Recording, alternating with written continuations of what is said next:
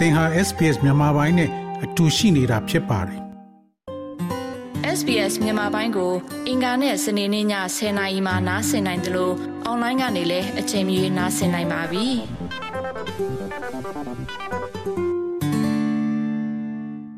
စီရေးထက်ပညာရေးကိုပုံမစိုက်ထုတ်ခြင်းဟာပိုအောင်မြင်တဲ့နိုင်ငံရေးစနစ်လို့ဆိုကြပါတယ်။ အဲ့ဒီလိုစကားလုံးတွေနဲ့အတူ Education for All ဆိုတဲ့စာပုဒ်ကိုဒီနေ့ခေတ်မှာတကမ္ဘာလုံးကသုံးစွဲနေကြပါပြီ။မြန်မာကလေးတွေအတွက်တော့ပရိပခအခြေအနေတွေဒေတာတွင်တိုက်ပွဲတွေကြားမှာမိသားစုလိုက်ပေးလို့ရရွှေ့ပြောင်းနေထိုင်ရတာတွေကြားစာသင်ခန်းနဲ့ပုံမဝေးကွာလာခဲ့ရပါတယ်။အဲ့ဒီတဲမှာတော့မြန်မာနိုင်ငံရဲ့နယ်နိမိတ်ထိစပ်ရာထိုင်းနိုင်ငံဟာမြန်မာရွှေ့ပြောင်းအလုပ်သမားအများစုခိုလုံရာဒေသတစ်ခုဖြစ်ခဲ့ရပါတယ်။ ထိုင်းနိုင်ငံတွေကိုမြန်မာရွှေ့ပြောင်းအလုပ်သမား6တန်းကျော်ဝင်ရောက်လာတယ်လို့ထိုင်းဖွဲ့စည်းတွေကဖော်ပြထားကြသလိုရွှေ့ပြောင်းလုပ်သား3ယောက်တိုင်းမှာမိကိုသူ1ယောက်ပါရှိနေတယ်လို့သိရပါတယ်။ပြည်ပနိုင်ငံမှာနေရတဲ့အခါစားဝတ်နေရေးအခက်အခဲတွေရှိနေတာကြောင့်ဒီကလေးငယ်တွေဟာမိသားစုလိုက်လှုပ်ဆောင်လို့ရတဲ့လုပ်ငန်းခွင်တွေမှာဝင်ရောက်အလုပ်လုပ်ကြရပါတယ်။ ဒီလိုကလေးငယ်တွေကိုနိစက်ရာစာတင်ဝိုင်းတွေစီရောက်ရှိလာဖို့ပရိဟိတအဖွဲ့အစည်းတွေနဲ့ရွှေပြောင်းကျောင်းတွေကဆရာဆရာမတွေပူးပေါင်းလှုပ်ဆောင်ရတာမျိုးတွေဆောင်ရွက်လာရပါတယ်။ပန်းပြိုလက်စာတင်ကျောင်းကစေတနာဝင်နဲ့ဆရာမတဦးဖြစ်သူဒေါ်ခင်လေးတက်ကအသက်က73နှစ်14နှစ်ရှိနေပြီဒါပေမဲ့ KG မတက်ရသေးဘူးအဲ့တော့မိဘတွေရဲ့အခက်အခဲကဘာလဲပေါ့နော်ရွှေပြောင်းဖြစ်တဲ့အတွက်ကြောင့်မို့လို့ငွေအင်အား ဟိုအကြက်တဲရှိတဲ့ခါကျတော့မထားနိုင်ဘူးပေါ့နော်မထားနိုင်တဲ့ခါကျတော့ရင်ကျွန်တော်တို့ကျောင်းလေးကပရိဟိတအနေနဲ့အခမဲ့ပညာရေးကိုဖွင့်ပေးလိုက်တယ်ဖွင့်ပေးလိုက်တဲ့အခါကျတော့သူတို့အတွက်ဘာတွေအကျိုးရှိသွားလဲဆိုတော့ကျောင်းနဲ့မထိတွေ့ဘူးတဲ့ကလေးတွေရောက်လာတယ်ကလေးတွေကိုပို့ဖို့ရန်အတွက်သူတို့မှာဟိုထမင်းကြိုင်ထုတ်ပေးရတာမျိုးရှိတယ်အဲ့တော့ဘာပဲဖြစ်ဖြစ်ဒါတွေလည်းမပူနဲ့ထမင်းကြိုင်မပါတဲ့ကလေးတွေအတွက်ထမင်းတအိုးလောက်ကတော့ချက်ပြုတ်ပေးထားတယ်တချို့ကြောင့်လည်းဆမရဲ့ဘာလို့မှလဲ तू က14နှစ်ဖြစ်နေ15နှစ်ဖြစ်နေပြီကြောင်းချိုးခိုင်းမယ်မိဘရဲ့အလုပ်ကိုကူနေရတယ် အဲ့ဒီခါကျတော့လာခြင်းပေမဲ့မလာနိုင်ဘူးပေါ့နော်ကျွန်တော်တို့ဘက်ကမရောက်ရအောင်ပေါ့လေကိုနိုင်တဲ့ဘက်ကပန်းပိုးတင်တာပန်းပိုးပေးရတယ်တချို့ဒီကလေးလေးငယ်ငယ်လေးရှိနေလို့ကျမသမီးကတော့ကြောင်းမလာနိုင်ဘူးဆိုရင်ကတော့ခွင်ချီရတဲ့9လ10လသားလေးရမှာအစနိုးဘူးလေးနဲ့ခေါ်လာဒီကလေးခေါ်လာမှသူ့တက်ကြီးတဲ့အကြီးလေးကစာတင်လို့ရမှာတက်နိုင်လို့ကြိုးပမ်းပြီးတော့ရင်ကျောင်းကိုရောက်အောင်ခေါ်ပါတယ် တန်းချီရွှေ့ပြောင်းနေထိုင်ရတဲ့ကလေးငယ်တွေအတွက်ထိုင်းနိုင်ငံဘက်မှဆိုရွှေ့ပြောင်းမြန်မာကျောင်းရာကနန်းရှိတယ်လို့ပညာရေးပိုင်းဆိုင်ရာလှုပ်ဆောင်နေတဲ့အဖွဲ့အစည်းတွေစီကသိရပါတယ်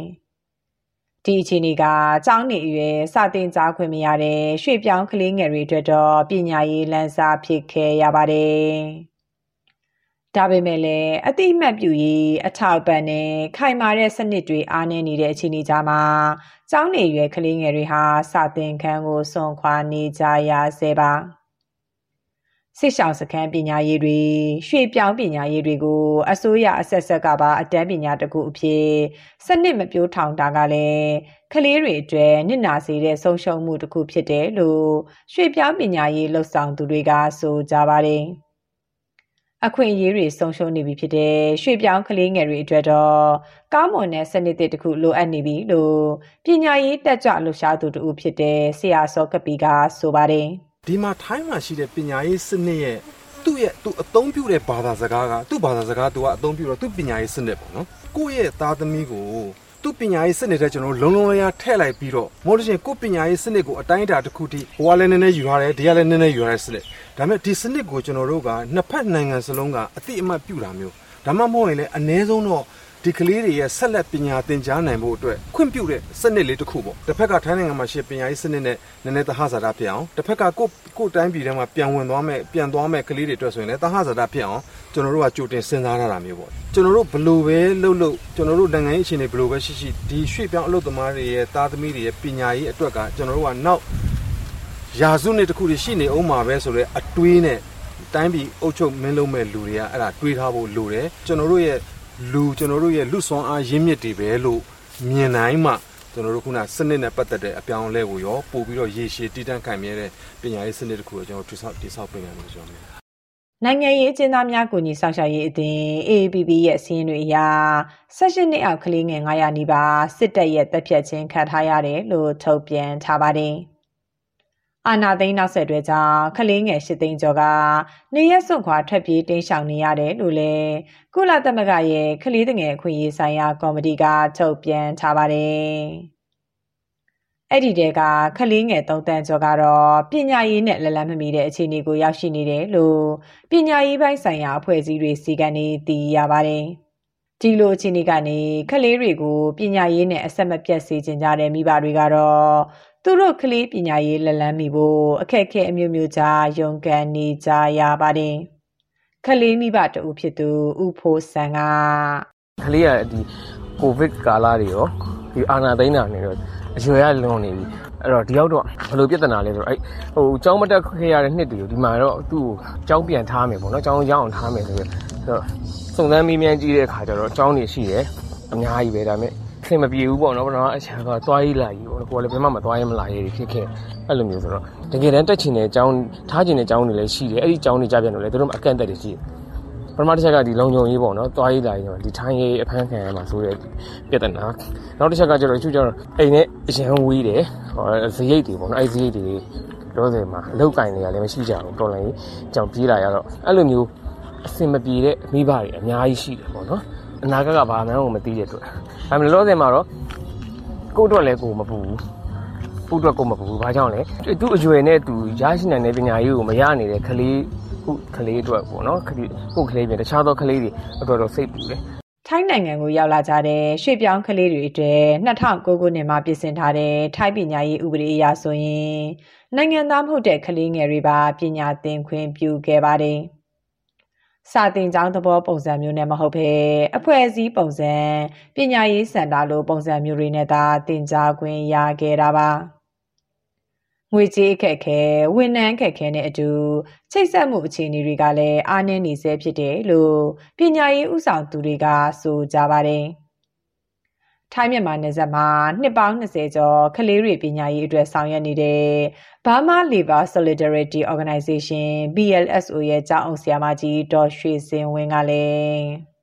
ဒီနယ်စပ်တွေမှာတိုင်းရင်းသားနယ်စပ်တကြောမှာရှိနေတဲ့ vocational ကျောင်းတွေရှိမယ် vocational တွေရှိမယ် အဲအကြောင်းဒီမှာကျမတို့ကလေးတို့ပြန်ပြီးတော့တက်ပိုင်ခွင့်ရှိတယ်ဆိုရင်လည်းကျမတို့တို့ကဒါအခွင့်အလမ်းတစ်ခုပဲဆိုတော့တက်လာတဲ့အစိုးရအတိုင်းကဘာတစ်ခုမှအဆင်မပြေတာနဲ့အခုလက်ရှိလဲကျမတို့စီမှာရှိနေတဲ့လူသားအရင်းမြစ်တကယ်အနာဂတ်ကလေးအနာဂတ်မှာအလားလာရှိတဲ့ကလေးတွေကိုသူတို့ welcome လုပ်ဖို့လိုတယ်တခြားတစ်ဖက်မှာလည်းဒီမှာရှိနေတဲ့ဆရာဆရာမတွေဆရာဆရာမဆိုတာအကုန်လုံးဒီမှာတိုင်းပြည်ဒုက္ခပြက်တိုင်းပြည်ပြက်လို့ရောက်လာတဲ့အကုန်လုံးဆရာဆရာမတွေကြီးပဲဘာနာမည်မှ alpha ဘက်မှမတက်ဘဲနဲ့တသွေးတဲ့တသားတဲ့ ပုံစံနဲ့ဒီကလေးတွေအကုန်လုံးကိုလည်းအဲ့ဒီပုံစံနဲ့သူတို့ဘက်ကနေပေါ့နောက်တော့ကျမတို့ရဲ့လူလားတဲ့ပေါ့နော်ပြည်သူဆိုရနော်ဖက်ဒရယ်ဆိုရတက်လာတယ်ဆိုရင်ကျမတို့ကိုလက်ခံတယ်ဆိုရင်အာဒါကတိုင်းပြည်ရဲ့ပြန်လဲထူထောင်ရေးအတွက်တိုင်းပြည်ရဲ့အနာဂတ်အတွက်ကအမတန်မှကောင်းတဲ့အလားအလာတစ်ခုပေါ့နော်ဒါမှသာကျမတို့အားလုံးတိုင်းသားအားလုံးလူလားတဲ့ Federal ပညာရေးစနစ်ကိုကျမတို့စပြီးတော့အကောင့်ထဲပေါ်လို့ရမယ် ပညာရေးဆုံးရှုံးခဲ့ရတဲ့ကျောင်းသားတွေဟာသူတို့တသက်တာဘဝအတွက်လစာဝင်ငွေ300ခိုင်နှုန်းအထိလျော့နေလိရှိတယ်လို့စီးပွားရေးနဲ့ဖွံ့ဖြိုးရေးပူးပေါင်းဆောင်ရွက်မှု OECD အစီရင်ခံစာကဖော်ပြထားပါတယ်။ကျောင်းသားအရင်းအမြစ်တဦးချင်းစီအတွက်လည်းထိကြိုက်တယ်လို့နိုင်ငံ GDP ရဲ့1.5ရာခိုင်နှုန်းကိုလည်းလျော့ကျစေတယ်လို့ဆိုထားပါတယ်။ ကုလသမဂ္ဂကချမှတ်ထားတဲ့ရေရှည်တည်တံ့တဲ့ဖွံ့ဖြိုးရေးပန်းတိုင်း SDG 2030နှစ်ရှည်စီမံကိန်းမှာတော့ပညာရေးနဲ့ပတ်သက်ပြီးအသက်ငယ်ရွယ်တဲ့အချိန်ကစလို့လေ့လာသင်ယူနိုင်မှုရရှိဖို့ဟာအရေးပါတဲ့အချက်တစ်ခုလို့ဖော်ပြချပါတယ်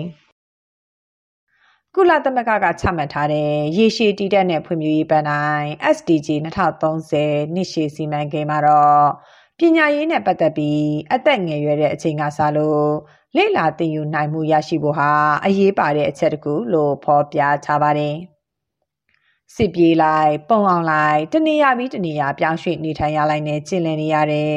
မြန်မာမျိုးဆက်သစ်ကလေးငယ်တွေအတွက်တော့တာဝန်ရှိသူတွေအနေနဲ့အမြန်ဆုံးအလေးပေးဆောင်ရွက်သင့်ပြီလို့ပြောလာသူက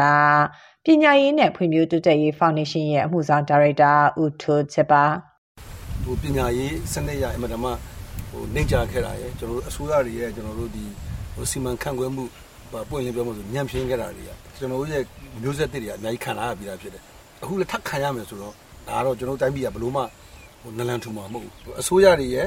အစိုးရအစိုးရမဟုတ်တဲ့အဖွဲ့အဖွဲ့အစည်းတွေရဲ့နောက်ပူလည်းအရေးကြီးပါတယ်သူတို့ရဲ့မိဘတွေပေါ့ဗျာမိဘဆိုတော့ရွှေပြောင်းလို့သမားဒူကြီးတစ်ခုလုံးရဲ့ကျွန်တော်စနစ်တကျနဲ့ဥဆောင်မှုပေးနိုင်မယ်သူတို့ကိုယ်တိုင်တက်တက်ကြွနဲ့ဒီပညာရေးစနစ်ကသူတို့သားသမီးတွေရောကျွန်တော်နိုင်ငံအတွက်ဒီပညာရေးကတကယ်အရေးကြီးတယ်လို့သူတို့ကိုယ်တိုင်လည်း ယုံကြည်လာအောင်အစိုးရပြောတဲ့ဒီစီယုံလှုပ်ဆောင်မှုတွေကျွန်တော်တို့ဟိုလုပ်ရမယ်အဲ့ဒါတွေလည်းသိခက်ခဲတဲ့ကိစ္စတော့မဟုတ်ပါဘူးဒါအဲ့လိုမျိုးတော့စူးစီးလုပ်မယ်ဆိုတော့ကျွန်တော်ထင်တယ်ရွှေပြောင်းပညာရေးရောကျွန်တော်တို့ဒီကျွန်တော် IDP ပေါ့ဗျာဒီကျွန်တော်တို့ပြည်တွင်းလှည့်လဲစီဘေးရှောင်ပညာရေးပါကျွန်တော်တွေ့ရမှာအခုကဟိုစက်တိုက်ဖြစ်လာတာလေအစိုးရဒီ IDP ကနေပြီးတော့ကျွန်တော်တို့ refugee ဖြစ်ဖြစ်မယ် IDP ကနေပြီးတော့ကျွန်တော်တို့ဟို migrant ဖြစ်ဖြစ်မယ်ဒီ cycle ကြီးမှာပဲလည်နေတော့ကျွန်တော်တခုခုပြောမယ်ဆို migrant ပညာရေးထက်အကလုံးရဲ့ပညာရေးကိုကျွန်တော်တို့ဟိုထည့်သွင်းစဉ်းစားတင်တယ်နောက်ပူပေါင်းစဉ်းတကြပူပေါင်းဆောင်ရွက်တင်တယ်လို့တော့ ကျွန်တော်ကတော့အဲ့လိုပဲပြောချင်တယ်လို့ပညာရေးကနိုင်ငံဖွံ့ဖြိုးတိုးတက်ဖို့အတွက်အခိုင်အမာဆုံးအုတ်မြစ်တစ်ခုလို့တင်စားကြပါတယ်။ဒီအုတ်မြစ်တွေကိုတိစောက်ဖို့အရေးမှာကျောင်းနေအရွယ်ကလေးငယ်တွေကစပြီးအစပြုပြိုးထောင်ရမှာဖြစ်တယ်လို့လည်းပညာရေးလေလာသုံးသပ်သူတွေကဆိုကြပါတယ်ဒီလိုအခြေအနေတွေကြားမှာတော့ကလေးငယ်တိုင်းစတင်ငန်းရောက်ဖို့အရေးဟာစုပေါင်းဖြစ်ရမယ်ကွက်လက်တစ်ခုအဖြစ်ရှိနေစေပါ ဒီသတင်းဆောင်မကိုတန်လင်ခက်ကပေးပို့ထားတာဖြစ်ပါတယ် SBS မြန်မာပိုင်းကို အင်ကာနဲ့စနေနေ့ည10:00နာရီမှနားဆင်နိုင်ပါတယ်။နားဆင်နိုင်တဲ့နည်းလမ်းအများကြီးရှိပါတယ်။ Radio, Digital TV, Online ဒါမှမဟုတ် SBS Radio App ကနေတဆင့်နားဆင်နိုင်ပါတယ်။ SBS မြန်မာပိုင်းအစီအစဉ်ဖြစ်ပါတယ်ရှင်။